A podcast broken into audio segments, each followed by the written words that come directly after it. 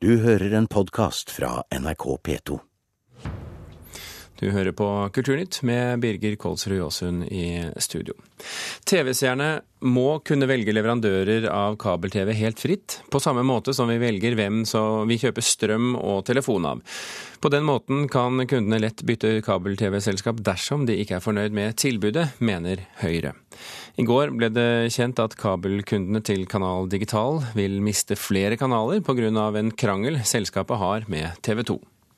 Ja, Det er jo eh, nokså spesielt at et Telenor-eid selskap eh, går ut med blanke løgner til sine egne kunder. Rune Indrøy er konserndirektør i TV 2.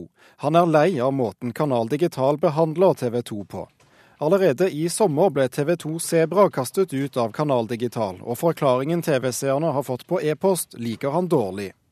Takk for henvendelsen, skriver de. Vi har dessverre mistet distribusjonsavtalen for denne kanalen, altså Sebra. Og vi er i dialog med TV 2-gruppen og jobber med å få den tilbake. Vi beklager problemet. Dette er altså da ren eh, løgn. De eh, har sagt opp avtalen på Sebra, eh, og eh, de har ikke gjort noe forsøk på å få den tilbake til sine kunder. Ja, Nå er vi vitne til et av de store røvertoktene i TV-historien. Kanal Digital vil ha seg frabedt å fare med løgn. Det er TV 2 som er skyld i at kun hovedkanalen blir igjen for kabelkundene til Håkon Lie Dragland, produkt- og strategidirektør i Kanal Digital. De ønsker at det skal fremstå at Kanal Digital fjerner TV 2s kanaler. Det er ikke riktig. Det som imidlertid er fakta, er at TV 2 nylig har sendt oss et brev der de sier opp distribusjonsavtalen på TV 2 Nyhetskanalen, TV 2 Bliss, TV 2 Filmkanalen fra 23.11. Når TV-seerne merker at det ikke lenger er så mye som skjer på TV-skjermen, er det på tide å ta noen grep, mener politikerne. Fremskrittspartiet krever at kulturministeren rydder opp i TV-krangelen. Høyre mener flere kabel-TV-selskaper må få slippe til gjennom samme kabelen for å sikre TV-seerne valgmuligheter. Feiden mellom TV 2 og Kanal Digital viser at kunden må få alternativer, sier stortingsrepresentant Peter Gitmark. Det er det eneste forslaget som tar kunden på alvor. Jeg tror jo verken Kanal Digital eller Get eller Altibox eller hvem enn det måtte være, vil klare å finne det optimale tilbudet for meg. Eller for deg. Og det må jo gjøres av meg eller deg ut ifra våre premisser, våre behov og vår lommebok. Høyre bommer, svarer bransjeorganisasjonen Kabel Norge. Leder Øyvind Husby mener det er blitt mer mangfold og mer konkurranse de siste årene. Han påpeker at TV-seerne kan velge mellom både kabel, parabol, antenne og internett. Høyre prøver å markedsføre seg som et, eh, et næringspolitisk parti som ønsker private investeringer. og Jeg syns det er litt påfallende at det er Høyre som hver gang roper om statlig inngripen i, i et marked som Eh, det er et bredt sammensatt utvalg mener fungerer meget bra. Men utvalget Husby viser til sier også at valgmuligheten ikke er så stor for den tredjedelen av norske husstander som ser TV med kollektive avtaler gjennom borettslaget. Det er disse Høyre vil hjelpe med å åpne opp kabelnettene for flere aktører. Dagens politikk er gammeldags og må forandres, og vi trenger en mediepolitikk som sier at forbrukeren er faktisk viktigere enn selskapene.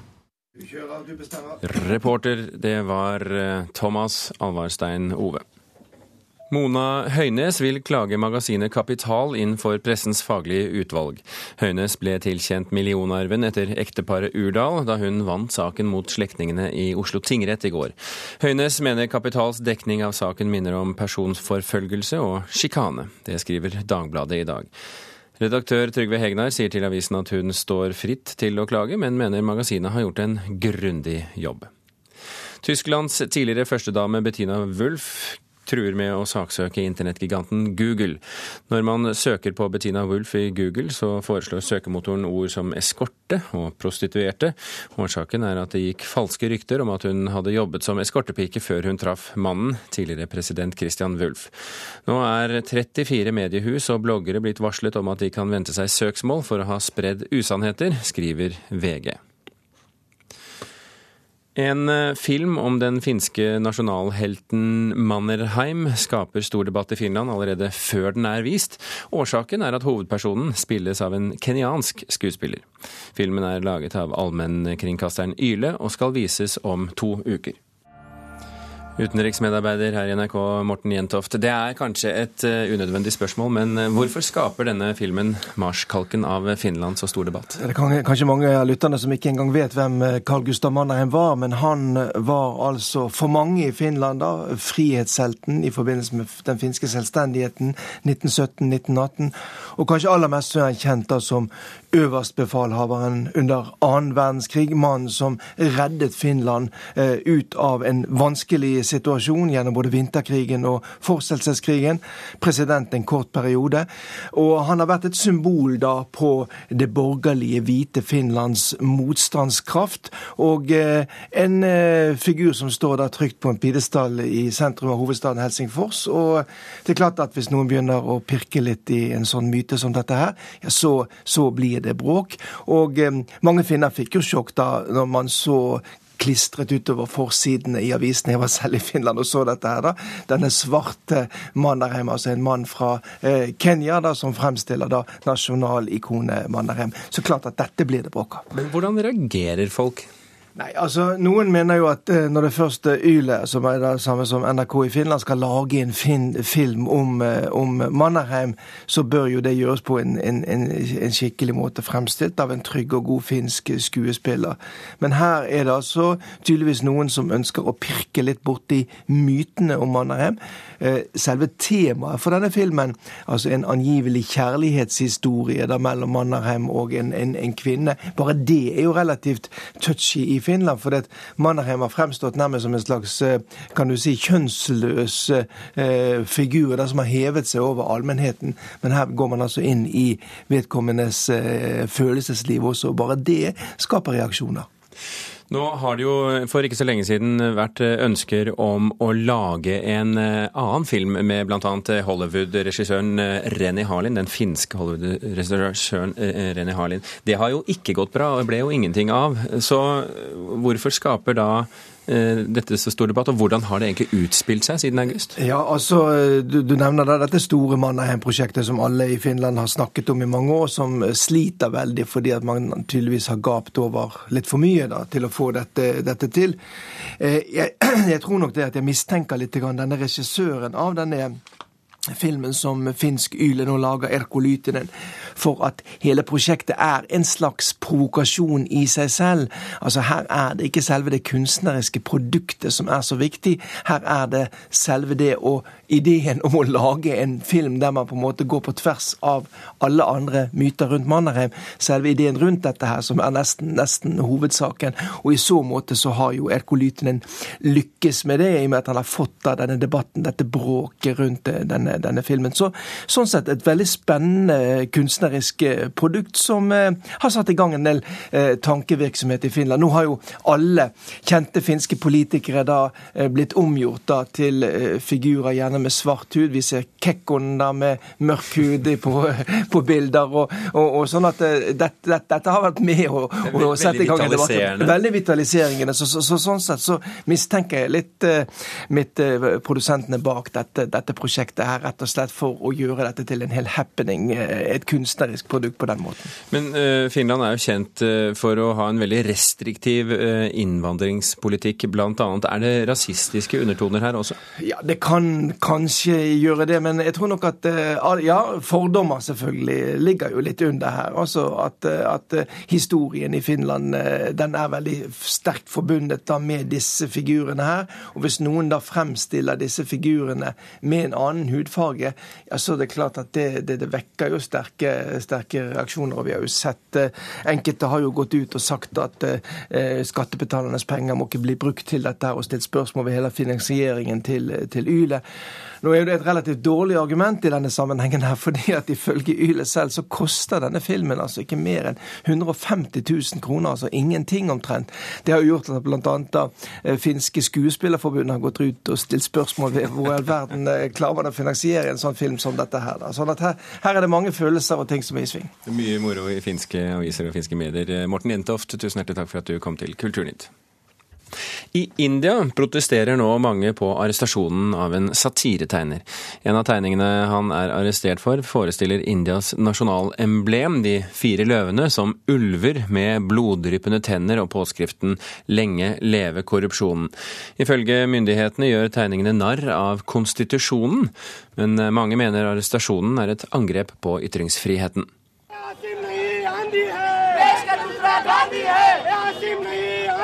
En stor gruppe aktivister protesterte mot arrestasjonen av tegneserieskaperen Asim Trivedi utenfor rettsbygningen i New Delhi i går. Tegneren ble varetektsfengslet for oppvigleri etter at han publiserte tegninger som gjør narr av den indiske konstitusjonen. Han nektet å bli løslatt mot kausjon fordi han mener det er bedre å sitte i fengsel når det ikke er ytringsfrihet på utsiden, sier Malcolm Rodriguez i organisasjonen India mot korrupsjon. Yes, they are telling him to take bail, but Asim Trivedi is refusing to take bail. He is willing to go to jail because outside there is no freedom, then it better go inside. Reporter her var Eirin Venås Sivertsen. Atta Ansari, journalist her i NRK og en som følger da indiske medier og politikk tett for oss. Hvorfor er tegner Asim Trivedi arrestert? Han er arrestert rett og slett fordi at han har uh, laget denne satiriske tegningen. Uh, Trivedi han pirker borti en svulst i, i, det altså samfunnet India, som er i rask endring og bokser enormt, altså økonomisk. Hvor veldig mange mennesker er blitt veldig rike på kort tid. Uh, og det han pirker borti, er jo da egentlig korrupsjon. det er veldig mange i India som har vært veldig opptatt av det, men eliten, eliten og da både liksom da innenfor byråkratiet, politiet og også rettsvesenet. Og ikke altså Aller verst av det er jo på en måte også da parlamentet. Eh, om ikke eh, en tredjedel av da parlamentarikerne i India har da korrupsjonsanklagelser mot seg. Eh, så, dette er mektige fiender? Dette er mektige fiender. Og Trivedi på en måte peker på noe veldig vesentlig og viktig for, for India. Og det er eh, India har vært kjent for liksom da å ikke ha så høy andel av korrupsjon, men eh, det har forandret seg fullstendig. Trivedi bruker eh, veldig sterke virkemidler. Han tar i bruk liksom da det sterkeste, og han går rett på. Han legger ikke skjul på noe. Er, hans tegninger kan ikke tolkes liksom da på en annen måte. Han bruker f.eks. parlamentet og fremstiller det som et toalett, med en dorull hengende ved siden av, hvor det står liksom da korrupsjon på den ja, veggen. da. Eh, og han bruker f.eks. disse uh, fire løvene, da, som uh, er en gammel nasjonal symbol symbol for liksom da fred og liksom da den mektige nasjonen og rettferdighet og det hele. Så han, han, at han har provosert veldig mange i den eh, rike delen av India, og også da blant politikerne, det var nok ventet. Men er det symbolbruken som sådan, eller er det det faktum at han går rett i strupen på korrupsjonen som gjør han så kontroversiell? Det henger nok sammen, fordi at eh, de samme politikerne og den samme eliten som han anklager for å da bedrive korrupsjon, bruker jo disse symbolene, nasjonalsymbolene, ikke sant, for å rettferdiggjøre seg selv, og for å liksom da å oppnå gunst blant velgerne. Og snakker da i, i sånn da symbolspråket til folket. Så det er derfor tror jeg det gjør så veldig vondt. Har kunsten, altså hvis vi kan kalle dette kunst fremfor, eh, fremfor pressetegninger, eh, har kunsten det verre enn pressen? Det er vanskelig å si. altså Pressefriheten i India er jo stor. Det er ingen tvil om det. Eh, men det har vært tilfeller hvor på en måte kunstnere også har vært eh, under press. F.eks. Eh, en stor kunstner som heter MF Hussein. Han måtte jo flykte fra landet. Han var liksom absolutt den desidert største kunstneren på en måte da India noen gang har hatt. Han måtte da, da søke asyl i England. Grunnen til det var at han hadde da tegnet en av gudinnene altså fremstilt henne som veldig erotisk. Og det likte ikke da de hinduistiske fundamentalistene. Så du kan si fra gammelt av så har man tenkt at enten så er det da ekstreme muslimer, eller så er det da ekstreme hinduer, eller ekstreme buddhister, eller ekstreme kristne som reagerer på slike tegninger og den type kunst. Men nå har det endret seg. Nå er det også da politikere som da i utgangspunktet framstår som veldig demokratiske og er tilhengere av ytringsfrihet de også Altså, de tåler også mindre. Atan Sari, tusen hjertelig takk for at du kunne komme til Kulturnytt. Kulturminister Anniken Huitfeldt skal avgjøre om 22. juli-forklaringene til flere toppembetsmenn skal eh, offentliggjøres. Flere av forklaringene fra toppbyråkrater og politikere er unntatt offentlighet. I tillegg skal kontrollkomiteen på Stortinget i dag ta stilling til hvordan 22. juli-kommisjonens rapport skal eh, følges opp. Om få dager må kunstnerne og musikerne i Kulturhuset Borgen i Oslo pakke sakene sine og flytte for godt. Her har kjente band som DumDum Boys, Madrugada og Raga Rockers holdt til, men etter 20 år som kulturhus skal bygget jevnes med jorden, fordi Follobanen skal gå igjennom tomten. Det liker ikke aksjonsgruppen Borgen Brenner, som i går kalte sammen til møte for å bevare kulturhuset. Hele første etasjen her har jo vært full av spesialhåndverkere og sånne ting. Og så oppover i etasjene har det vært eh, band og kunstnere og kulturarbeidere. Forskjellige typer eh, studioer. Svært arkitektkontor. Ja, masse, masse forskjellig. Og det har vært et veldig veldig levende sted. Det har vært mange hundre band innom her i løpet av de 20 årene. Og um, ja, rundt 100 kunstnere i hvert fall. Kanskje over det også. Kristin von Hisch i aksjonsgruppen Borgen brenner står og ser opp på den slitne grå kolossen med det digre Aftenposten-skiltet balanserende på taket. Rett ved siden av Middelalderparken i Oslo ligger bygget som nå må vike for den nye Follobanen. Men aksjonsgruppen skjønner ikke hvorfor de må ut nå, før reguleringsplanen er vedtatt og to år før Follobanen er planlagt påbegynt. Jeg syns det er helt høl i huet at det ikke skal kunne få stå til alle brikker er på plass i, uh, i planleggingen av Follobanen, sånn at man vet hva man gjør. Syns det er feil å begynne med å rive Borgen. Det er liksom det første de skal gjøre, før de egentlig har fått uh, ja. Altså, det er jo ikke bestemt noe ennå. Reguleringsplanen er jo fremdeles ute til høring. Leietakerne har visst lenge at de må ut. Jernbaneverket har utsatt flyttefristen tidligere, men på lørdag er det slutt. Utsatt riving av Borgen vil kunne forsinke Follobanen. Det sier overingeniør Lill Kristin Enger i Jernbaneverket. For å bli ferdig til byggestart i 2014, så ligger Borgen inne som en bit i et større system eh, på å klargjøre eh, alle arbeidene som skal bli gjort før byggestart kan settes i gang. De fleste som har holdt til her i det siste, har pakket sakene sine allerede. Huset tømmes. Og igjen står bare vegger som malingen flasser av, og skrot i hjørnene og i vinduspostene. Tross det samlet i går omkring 60 personer seg til møte om fremtiden til Borgen. Visjonsmøte.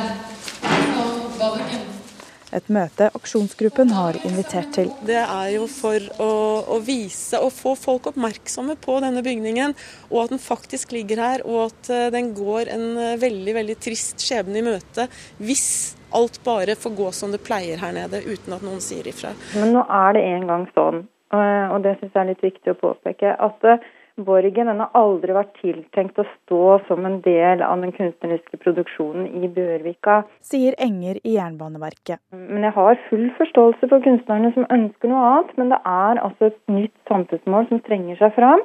Men aksjonsgruppen gir seg ikke så lett og vil kjempe til siste slutt. Kanskje planen vil forandre seg veldig i løpet av den tiden som kommer. Kanskje Follobanen må gjøre helt andre ting for å få det til.